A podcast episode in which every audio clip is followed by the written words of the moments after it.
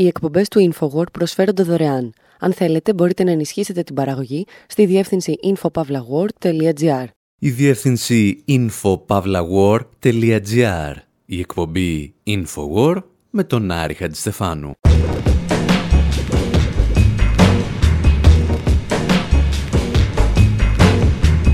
όπου σήμερα παραγγέλνουμε πίτσα και παρακολουθούμε το παρελθόν και το παρόν της αμερικανικής οικονομίας. Διαπιστώνουμε ότι για πρώτη φορά εδώ και δεκαετίες ένα κομμάτι πίτσα στο Μανχάταν είναι πιο ακριβό από το εισιτήριο του μετρό και προσπαθούμε να εξηγήσουμε γιατί αυτό μας αφορά όλους. Θυμόμαστε ότι το ποιος θα πληρώσει τις επιπτώσεις του πληθωρισμού είναι μια απόφαση εξαιρετικά πολιτική και λιγότερο οικονομική. Γνωρίζουμε τον άνθρωπο που έχει συλλέξει τα περισσότερα κουτιά πίτσα στον πλανήτη και μας εξηγεί ότι τίποτα δεν λέει να αλλάξει εδώ και 65 χρόνια.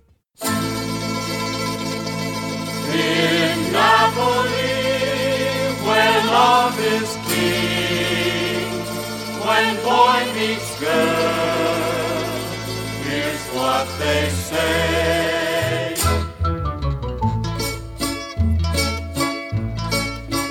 When the moon hits your eye like a big pizza pie, that's amore. When the world seems to shine like you've had too much wine, that's amore. Bells will ring, ting-a-ling-a-ling, ting-a-ling-a-ling, and you'll sing Vita Bella. Hearts will play tippy-tippy-tay, tippy-tippy-tay, like a guitarandella. When the stars make you drool, just like a pasta fazool, that's amore. When you dance down the street with a cloud at your feet, you're in love. When you walk in a dream, but you know you're not dreaming, signore. Excuse me, but you see, back in old Napoli, that's amore. Εάν δεν είχατε δώσει ποτέ σημασία στο τι λέει αυτό το τραγούδι, ξεκινάει με την εξής φράση. Έρωτας είναι όταν το φεγγάρι σε χτυπάει στο μάτι σαν ένα μεγάλο κομμάτι πίτσας.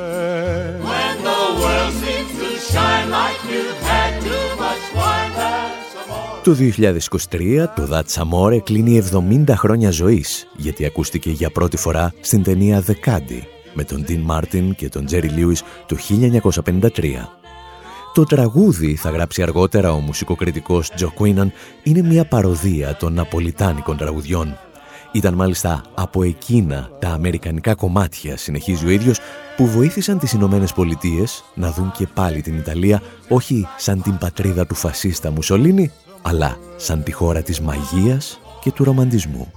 Και φυσικά τίποτα δεν φωνάζει περισσότερο ρομαντισμός όσο ένα κομμάτι πίτσα. Pizza! Pizza! Pizza, pizza, pizza! Everybody loves pizza, and we're now featuring the famous original Tolona pizza. Only the finest and purest ingredients go Τη δεκαετία του 1950, η Νέα Υόρκη ερωτεύεται την Ιταλική πίτσα χωρίς να συνειδητοποιεί ότι βρισκόταν μπροστά στα μάτια της για περίπου μισό αιώνα. Οι συνταγές για τις πρώτες πίτσες φτάνουν στη Νέα Υόρκη από την Νάπολη στις αρχές του 20ου αιώνα. Τις φέρνουν μαζί τους οι Ιταλοί μετανάστες που δημιουργούν την Little Italy στο Μανχάταν. Κανένας όμως δεν τους δίνει τότε ιδιαίτερη σημασία. Μέχρι τη στιγμή που κάτι πολεμικά πλοία δένουν στο λιμάνι της Νέας Υόρκης. The SS Monterey arrives in New York Harbor with 6,500 members of the famed Timberwolf or 104th Division. Η Αμερική και η Νέα Υόρκη θα καταλάβουν τι εστί πίτσα με το τέλος του Δευτέρου Παγκοσμίου Πολέμου όταν επιστρέφουν οι στρατιώτες που είχαν πολεμήσει στην Ιταλία. Μαζί τους φέρνουν τον αέρα του νικητή αλλά και τις συνταγές, οι οποίες βέβαια βρίσκονταν ήδη στην πόλη τους. Παρεπιπτόντος, μαζί τους επιστρέφει τότε και ο Λου Μόντε, Ιταλικής καταγωγής τραγουδιστής, γεννημένος όμως στο Νιου Τζέρσεϊ, ο οποίος, αφού πολέμησε και αυτό στο Δεύτερο Παγκόσμιο Πόλεμο, θα τραγουδήσει για τη νέα εποχή της πίτσας που ανατέλει.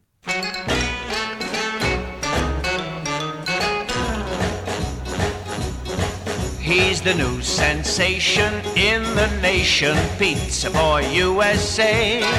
He's the flying saucer innovation, Pizza Boy USA.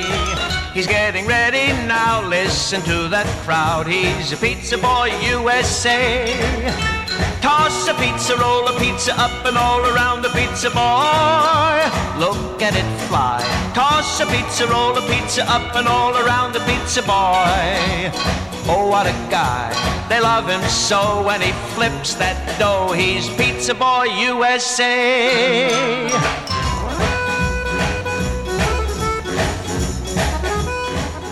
Για να είμαστε ακριβείς, ο Λουμόντε δεν τραγουδά ακριβώς για την πίτσα, αλλά για τα παιδιά που μεταφέρουν τις πίτσες στα σπίτια. Και αυτά τα παιδιά είχαν δύο προβλήματα να αντιμετωπίσουν. Η πίτσα έπρεπε να φτάσει στον παραλήπτη γρήγορα, οικονομικά και να είναι ζεστή. Και τη λύση αποφάσισε να δώσει μερικά χρόνια αργότερα η αλυσίδα Ντόμινος.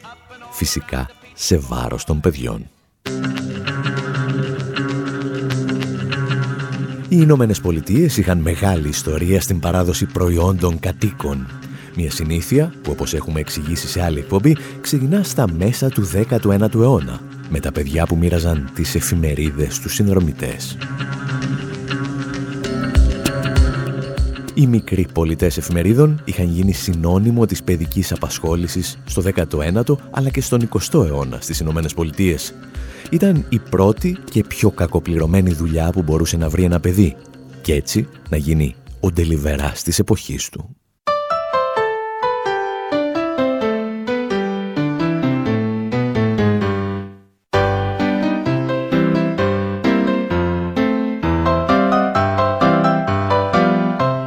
Τα λεγόμενα paper boys εργάζονταν σε απαράδεκτες συνθήκες για ατελείωτες ημέρες και κυρίως νύχτες. Εκείνη την εποχή όμως η παιδική εργασία θεωρούνταν νόμιμη και θεμητή. Οι φιλελεύθεροι της εποχής μάλιστα υποστήριζαν ότι το να απαγορεύεις στα παιδιά να εργάζονται θα στρέβλωνε την ελεύθερη αγορά. Μου τα εξηγούσε κάποτε ο διάσημος κορεάτης οικονομολόγος Χάτζου Τσάνγκ όταν τον είχα συναντήσει στην Αθήνα. In the book I use this example of child labor in the 19th century when child labor was very widespread.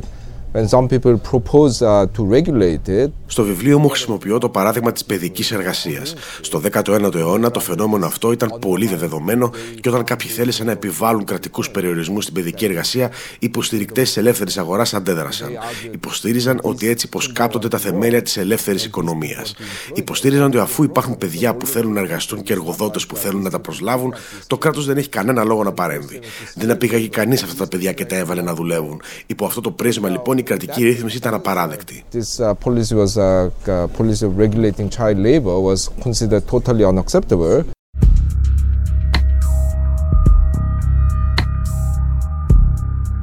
Οι φιλελεύθεροι του 19ου αιώνα λοιπόν θεωρούσαν αδιανόητο να απαγορεύει κάποιος την παιδική εργασία και δεν είχαν κανένα πρόβλημα να βλέπουν ανήλικα παιδιά να μοιράζουν εφημερίδες στο χιόνι ή τις πρώτες πρωινές ώρες της ημέρας. Το πρόβλημα της παιδικής εργασίας βέβαια θα λυθεί σε σημαντικό βαθμό με το πέρασμα των χρόνων. Όταν όμως οι διανομείς πίτσας θα αντικαταστήσουν τους διανομείς εφημερίδων στους δρόμους, έχουν άλλα προβλήματα να αντιμετωπίσουν. Οι πιτσαρίες πυροδοτούν έναν αγώνα μέχρι τέλους για το ποιος θα παραδώσει πιο γρήγορα την παραγγελία.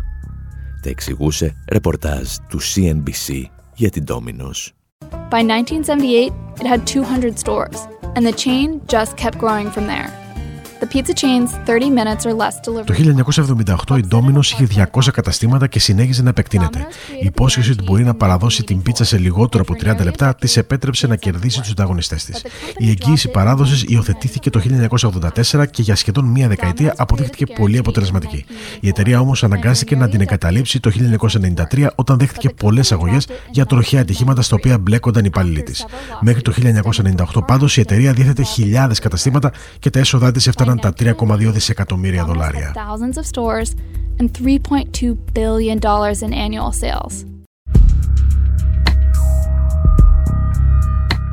Η Ντόμινος λοιπόν κέρδισε το συγκριτικό πλεονέκτημα και δεν θα σταματούσε εάν δεν ξεκινούσαν οι αγωγές. Οι τελιβεράδες αναγκάζονται πλέον να τρέχουν με υπερβολική ταχύτητα και όταν δεν σκοτώνονται οι ίδιοι, σκοτώνουν κάποιον άλλον. Το 1992 η εταιρεία θα πληρώσει αποζημίωση 2,8 εκατομμυρίων δολαρίων στην οικογένεια μιας κοπέλας από την Ινδιάνα που σκοτώθηκε από διανομέα της Ντόμινος που έτρεχε με υπερβολική ταχύτητα. Το 1993 πλήρωσε μία άλλη γυναίκα 15 εκατομμύρια δολάρια όταν ένας διανομέας τη χτύπησε αφού πέρασε με κόκκινο για να προλάβει μια παραγγελία. Και φυσικά υπάρχουν και οι νεκροί διανομής, αλλά για αυτούς κανείς δεν καταθέτει μηνύσεις και αγωγές. Η μάχη όμως είχε κερδιθεί. Η πρωταρχική συσσόρευση και η επέκταση είχαν επιτευχθεί και τώρα η εταιρεία μπορούσε να σταματήσει τη συγκεκριμένη πρακτική. Τουλάχιστον στις Ηνωμένες Πολιτείες, γιατί σε χώρες όπως η Ινδία ή το Μεξικό συνεχίζεται κανονικά μέχρι τις μέρες μας.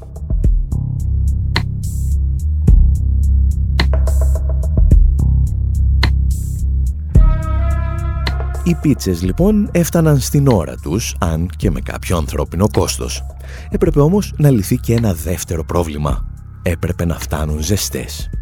Και για αυτή την ιστορία θα χρειαστούμε και πάλι τη βοήθεια του Ιταλοαμερικανού Λου Μόντε. Martha baked the pizza pies and now they're cold as ice. We'll sell them to the Indians at only half the price. Please row a little faster, boys. I got no time to kill. Tonight I'm posing for my picture on the dollar bill. Ma va je nu frid, et pengen va. Ma va je nu frid, nu pengen mo da. Oh, Martha, Martha, don't wait up for me tonight. Oh, Martha, Martha, no dad and Bella tonight. George stood up and told his men, keep rowing, please don't stop. These boats are only rented and we've got till six o'clock. It's against the rules, we can't go rowing after dark. We've got to get these rowboats back to good old Central Park. Ma u frid, et. Ma vagin u frid, no tenga moda. Oh, Martha, Martha, I'm not coming home tonight. Oh, Martha, Martha, there'll be no twisting tonight. On the day of glory, that's what Georgie told his crew. Some may doubt the story, but to those of you who do, just ask Giuseppe the barber while he trims and cuts your hair. He'll tell you just what Georgie said when he crossed the Delaware. Ma vagin u frid, e tenga na va. Ma vagin u frid, non tenga moda. Oh, Martha, Martha, no paste fazula tonight. Oh, Martha, Martha, I'm not coming home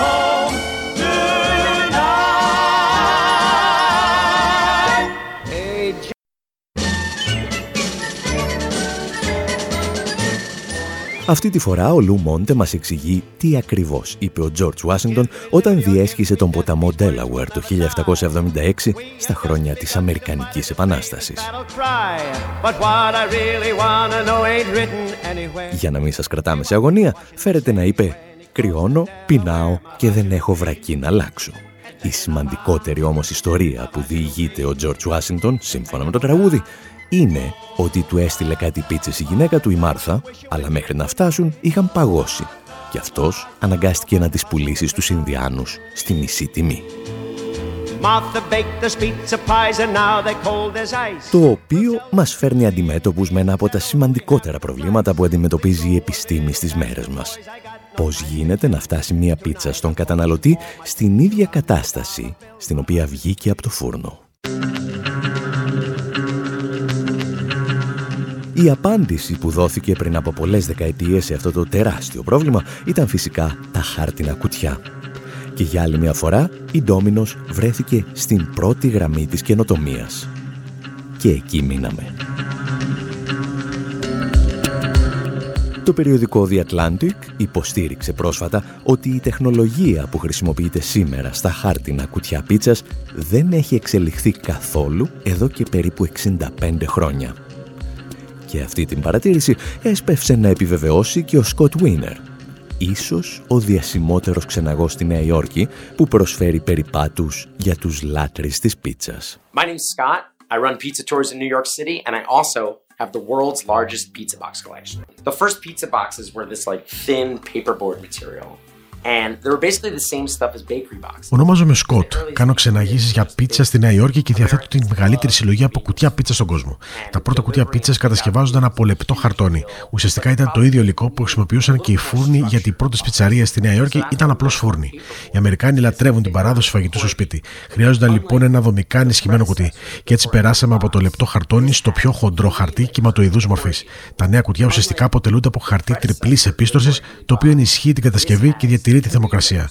Αυτό το κουτί με κυματοειδές χαρτί δεν έχει αλλάξει εδώ και περίπου 60 με 65 χρόνια.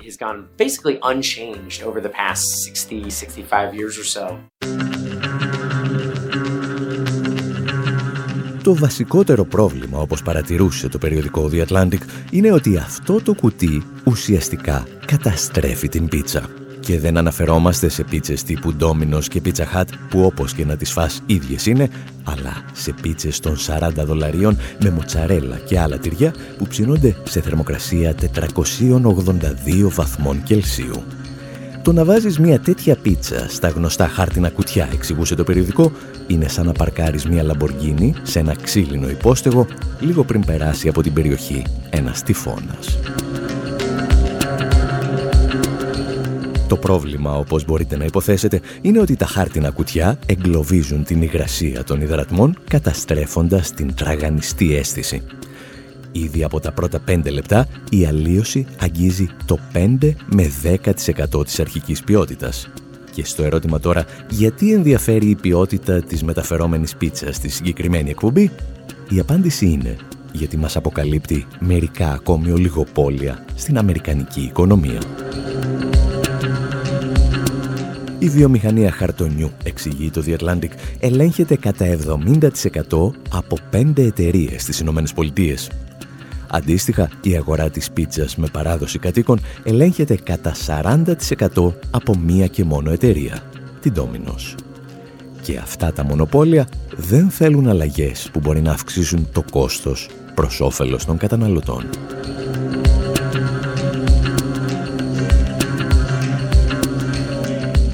Η αμερικανική πίτσα κυριάρχησε στην αγορά τη δεκαετία του 50. Η ιστορία της ήταν συνυφασμένη με μια πολυπολιτισμική κοινωνία που ανέπτυσε τις ιδέες των μεταναστών της, αλλά και με μια ισχυρή οικονομία που καινοτομούσε. Η εξέλιξή της συνδέθηκε με την εντατικοποίηση της εργασίας τη δεκαετία του 80 και του 90. Ακολουθούσε δηλαδή την πορεία της εθνικής οικονομίας. Και τώρα η Αμερική συνειδητοποιεί ότι δεν έχει καταφέρει να αλλάξει ένα κουτί πίτσας εδώ και 65 χρόνια. Ένας ισχυρός συμβολισμός για μια οικονομία που έχει χάσει το brain gain του παρελθόντος και αρχίζει να υστερεί και στην καινοτομία. Σαν να μην έφταναν όμως όλα αυτά, το 2022 ένα κομμάτι πίτσα στη Νέα Υόρκη άρχισε να κοστίζει περισσότερο από ένα εισιτήριο του μετρό. Και στο δεύτερο μέρος εκπομπής θα δούμε γιατί αυτό είναι σημαντικό.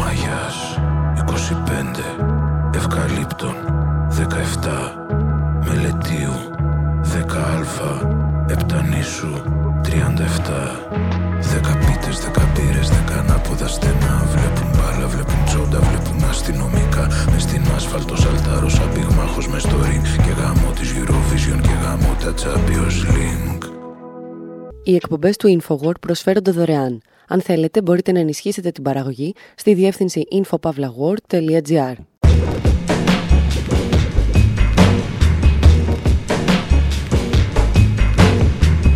Εκπομπής InfoWord, μέρος δεύτερο όπου συνεχίζουμε να εξετάζουμε την πολιτική οικονομία της Αμερικανικής πίτσας την είδαμε να εισάγεται μαζί με τους Ιταλούς μετανάστες από την Νάπολη και να εξελίσσεται μαζί με την λαμπερή μεταπολεμική οικονομία των Ηνωμένων Πολιτειών.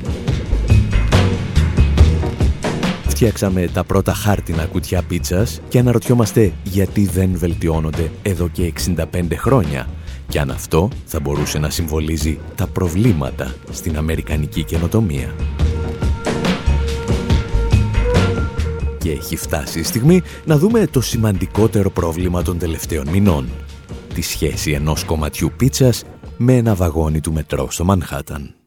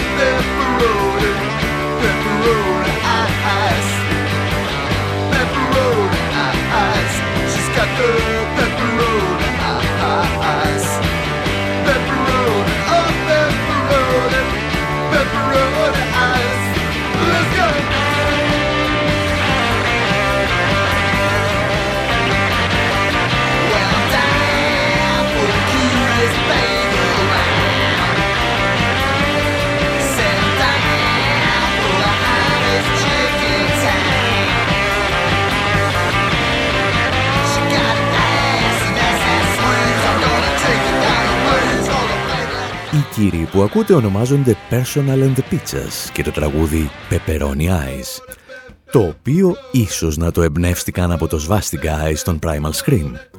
Το βέβαιο είναι ότι τον ήχο, το σχεδιασμό του εξοφίλου και τα ρούχα που φοράνε στις συναυλίες τα δανείστηκαν από τη rock και την punk σκηνή της δεκαετίας του 70 και των αρχών του 80. Εκείνη την εποχή η πίτσα έχει πλέον κυριαρχήσει ολοκληρωτικά στην κουλτούρα της Νέας Υόρκης και ορισμένοι αναλυτές και οικονομολόγοι κάνουν και μια περίεργη παρατήρηση. Το 1980 οι New York Times αναφέρουν ότι η τιμή του εισιτηρίου στο μετρό της πόλης ακολουθεί κατά πόδα στις αλλαγές στις τιμές ενός κομματιού πίτσας με τυρί και ντομάτα δηλαδή του βασικού κομματιού που βρίσκεις στα καταστήματα της πόλης. Δύο δολάρια έκανε η πίτσα, δύο δολάρια έκανε και το ειστήριο. Δύο και τριάντα η πίτσα, δύο και τριάντα το ειστήριο. Το φαινόμενο ονομάστηκε The Pizza Principle, η αρχή της πίτσας, και ορισμένοι υποστηρίζουν ότι αυτή η στατιστική συσχέτιση ισχύει χωρίς διακοπές από τη δεκαετία του 60. Το 2014, μάλιστα, ο καθηγητής στατιστικής του Πανεπιστημίου Κολούμπια, Τζάρετ Λάμπερ, θέλησε να επιβεβαιώσει την αρχή της πίτσας με περισσότερα στοιχεία. Συγκέντρωσε τις τιμές από 1.800 καταστήματα της Νέας Υόρκης και υπολόγισε τη μέση τιμή στα 2 δολάρια και 33 cents. Για να είναι σίγουρος, στη συνέχεια υπολόγισε και τη διάμεσο, προκειμένου να μην επηρεάζεται δηλαδή από τις ακραίες τιμές. Και την βρήκε και αυτή πολύ κοντά, στα 2 δολάρια και 45 cents. Πόσο έκανε το ειστήριο; 2 και 38. Βρισκόταν δηλαδή ανάμεσα στη μέση τιμή και τη διάμεσο. η αρχή της πίτσας είχε επιβεβαιωθεί για μία ακόμη φορά. Προφανώς η στατιστική συσχέτιση δεν σημαίνει αιτιότητα ή όπως θα έλεγε και ο κύριος Μπαμπινιώτης «correlation is not causation». Το γεγονός δηλαδή ότι ακριβένει το ειστήριο δεν οφείλεται στο ότι ακριβένει η πίτσα ή το αντίστροφο. Το γεγονός όμως ότι οι δύο τιμές ακολουθούσαν για δεκαετίες την ίδια πορεία μας επιτρέπει να κάνουμε ορισμένες παρατηρήσεις, έστω και σε συμβολικό επίπεδο και με αρκετές απλουστεύσεις. Παρατήρηση πρώτη. Η αρχή της πίτσας κατάερευσε μαζί με την επιστροφή του πληθωρισμού το 2022. Τυχαίο; With the average cost of a slice soaring above $3 throughout the five boroughs and the MTA freezing fares at $2.75 a trip. Η μέση τιμή ενός κομματιού πίτσα στα πέντε γεωγραφικά διαμερίσματα της Νέας Υόρκης ξεπέρασε τα 3 δολάρια ενώ η τιμή του εισιτηρίου του μετρό παραμένει παγωμένη στα 2 δολάρια και 75 cents. Η αρχή της πίτσας η οποία συνοδεύει τα οικονομικά της Νέας Υόρκης εδώ και χρόνια βρίσκεται σε κίνδυνο. Η αρχή της πίτσας χρησιμοποιούνταν σαν δείκτης που προέβλεπε ότι η αύξηση στην τιμή της πίτσας θα ακολουθούνταν από ακριβότερες εισιτήρες στα μέσα μεταφοράς. Η αρχή της πίτσας δεν είχε καταρριφθεί από το 1980 όταν την παρατήρησαν για πρώτη φορά οι New York Times. Τώρα όμως όλα άλλαξαν. Ένα ακόμη δυσίωνο σημάδι της εποχής μας.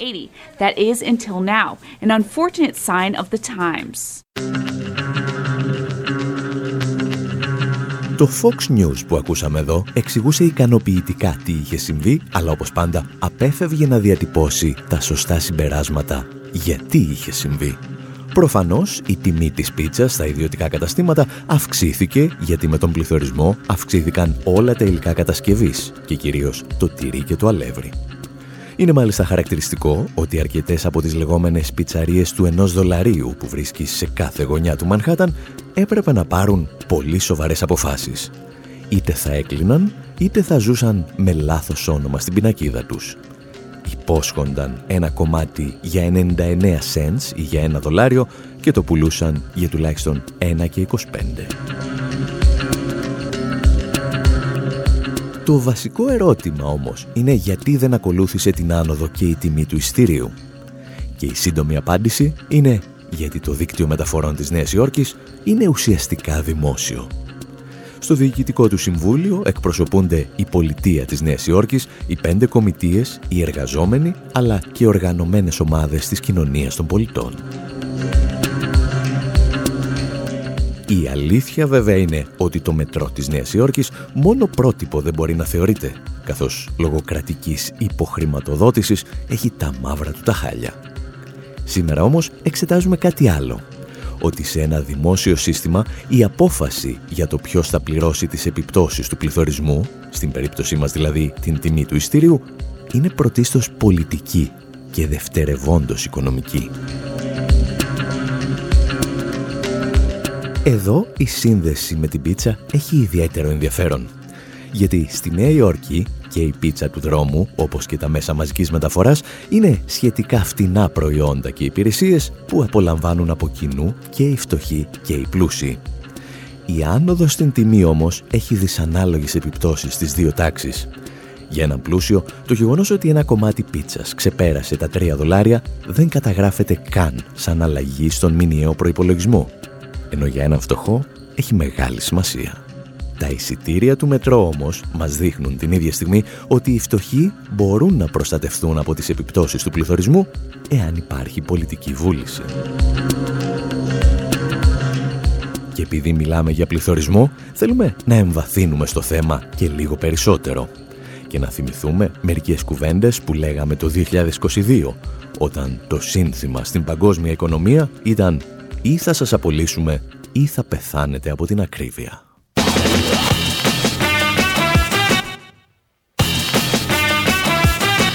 Whether long-range weapon or suicide bomb, a wicked mind is a weapon of mass destruction. Whether you're Solarway Sun or BBC One, misinformation is a weapon of mass destruction. You could a Caucasian or a Asian. Racism is a weapon of mass destruction.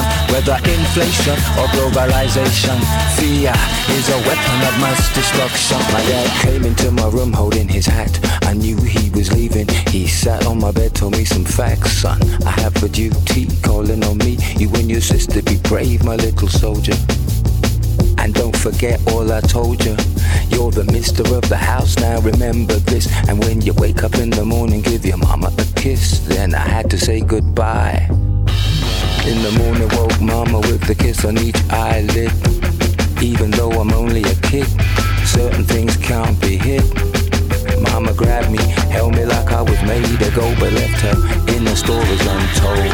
I said, Mama, it'll be alright when Daddy comes home tonight. Whether long range weapon or suicide bomb, a wicked mind is a weapon of mass destruction. Whether you're Solarway Sun or BBC One, misinformation is a weapon of mass destruction. You could have Caucasian or a poor Asian. Racism is a weapon of mass destruction. Whether inflation or globalization, fear is a weapon of mass destruction. Whether Halliburton, Enron or anyone greed is a weapon of mass destruction. We need to find courage. Overcome inaction is a weapon of mass destruction. Inaction is a weapon of mass destruction. Inaction is a weapon of mass destruction.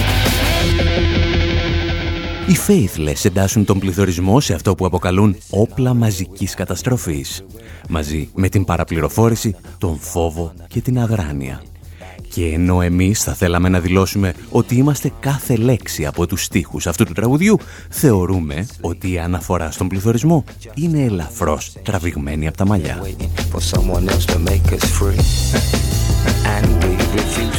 Για άλλη μια φορά, ο πληθωρισμός παρουσιάζεται σαν ένα σχεδόν υπερφυσικό φαινόμενο που καταπίνει τα εισοδήματα της εργατιάς. Το οποίο μπορεί πρακτικά να συμβαίνει, αλλά θα μπορούσε κάλλιστα και να μην συμβαίνει. Γι' αυτό οφείλουμε να πάρουμε τα πράγματα από την αρχή και να εξηγηθούμε. Πληθωρισμό έχουμε ως γνωστόν όταν αυξάνονται οι τιμές όλων των προϊόντων και υπηρεσιών. Σαν μια παλήρια δηλαδή που σηκώνει ταυτόχρονα όλες τις βάρκες στο λιμάνι. Ορισμένες βάρκες βέβαια έχουν την τάση να σηκώνονται μόνες τους και να συμπαρασύρουν και όλες τις άλλες, όπως παραδείγματος χάρη το πετρέλαιο. Πληθωρισμό όμως λέμε ότι έχουμε μόνο όταν ανέβουν όλες οι βάρκες. Οι ορθόδοξοι οικονομολόγοι έχουν μάλιστα ένα συγκεκριμένο τρόπο να εξηγούν αυτό το φαινόμενο. Πληθωρισμός λένε είναι αυτό που παθαίνεις όταν πολλά λεφτά κυνηγάνε λίγα προϊόντα. Uh, the kind of classic textbook definition you'll find, you know, if you're in a kind of Econ 101 class, is that inflation is a case of too much money Κλασικός ορισμός που θα βρείτε σε ένα χειρίδι οικονομικών πρώτου έτους είναι πως ο πληθωρισμός προκύπτει όταν υπερβολικά πολλά λεφτά κυνηγούν όχι αρκετά αγαθά. Μπορείτε να σκεφτείτε τα χρήματα ως μια αξίωση πάνω σε πραγματικά αγαθά και υπηρεσίες. Παίρνεις λεφτά και αυτά σου δίνουν το δικαίωμα να αξιώνεις αυτά τα αληθινά πράγματα με αξίες χρήσης που παράγονται στην οικονομία. Όμως, αν εκδώσεις υπερβολικά πολύ χρήμα χωρίς να επεκτείνεις επαρκώς τον αριθμό των προϊόντων που υπάρχουν στην οικονομία, θα δεις μια αύξηση στις τιμές. Και αυτό συμβαίνει γιατί οι άνθρωποι ανταγωνίζονται ο ένας με τον άλλο για ένα περιορισμένο απόθεμα προϊόντων, δίνοντας όλο ένα και περισσότερο χρήμα. Όπως σε πολλά χειρίδια οικονομικών, όμως, αυτός ο ορισμός αφήνει πολλά βασικά ερωτήματα αναπάντητα.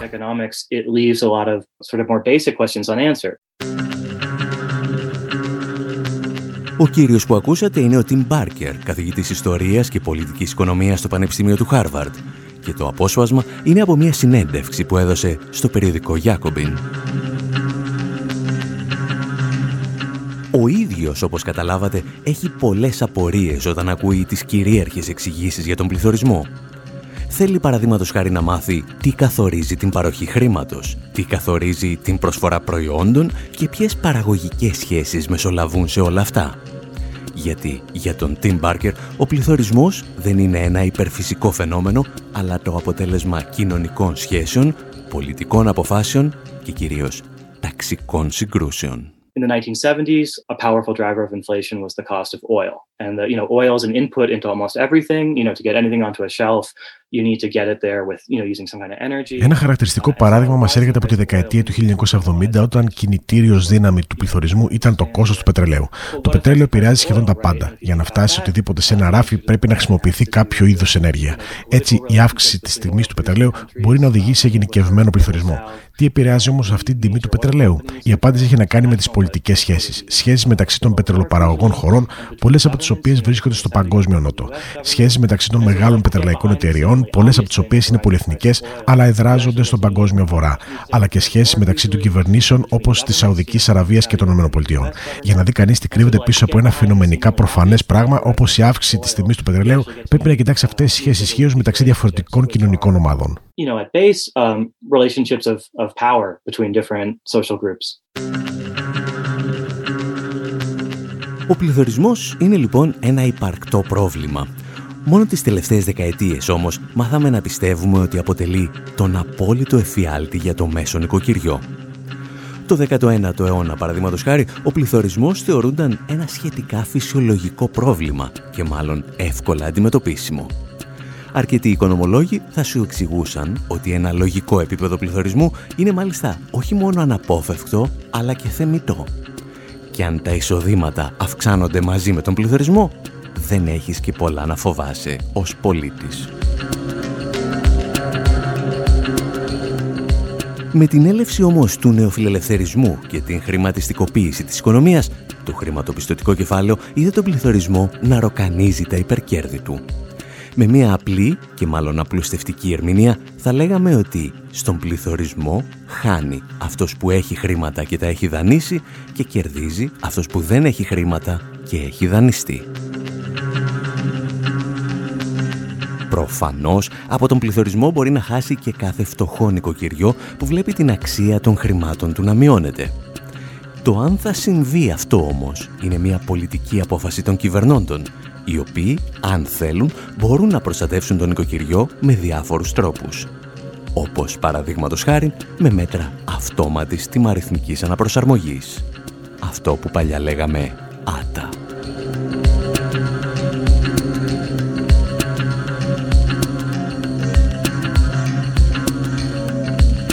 Κάπου εδώ όμως λέμε να σας αφήσουμε και για αυτή την εβδομάδα. Να θυμίσουμε ότι πολλά από τα θέματα που εξετάσαμε σήμερα θα τα βρείτε και στο βιβλίο «Προπαγάνδα και παραπληροφόρηση» που κυκλοφορεί από τις εκδόσεις Τόπος. Θα τα βρείτε όμως και στη σελίδα μας info.pavlawar.gr Μέχρι την επόμενη εβδομάδα, από τον Άρη Χατζηστεφάνου στο μικρόφωνο και τον Δημήτρη Σταθόπουλο στην τεχνική επιμέλεια, γεια σας και χαρά σας.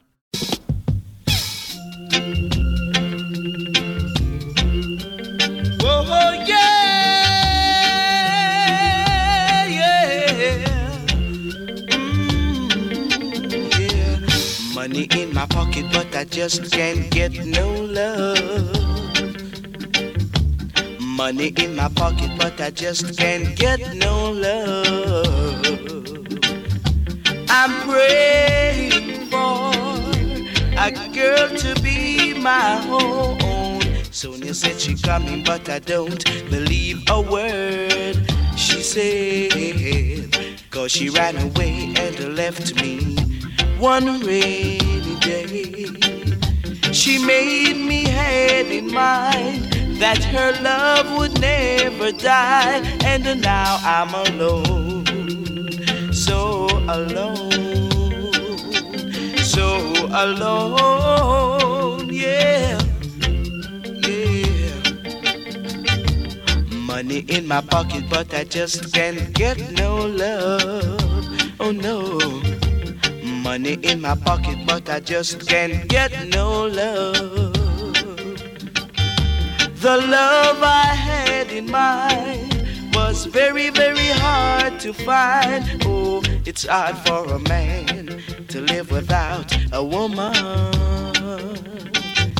And a woman needs a man to cling to. You'll see what love can do you're making me feel blue. Ain't that a shame? Whoa, baby. Ain't that a shame? Yeah, yeah, yeah. To make me feel.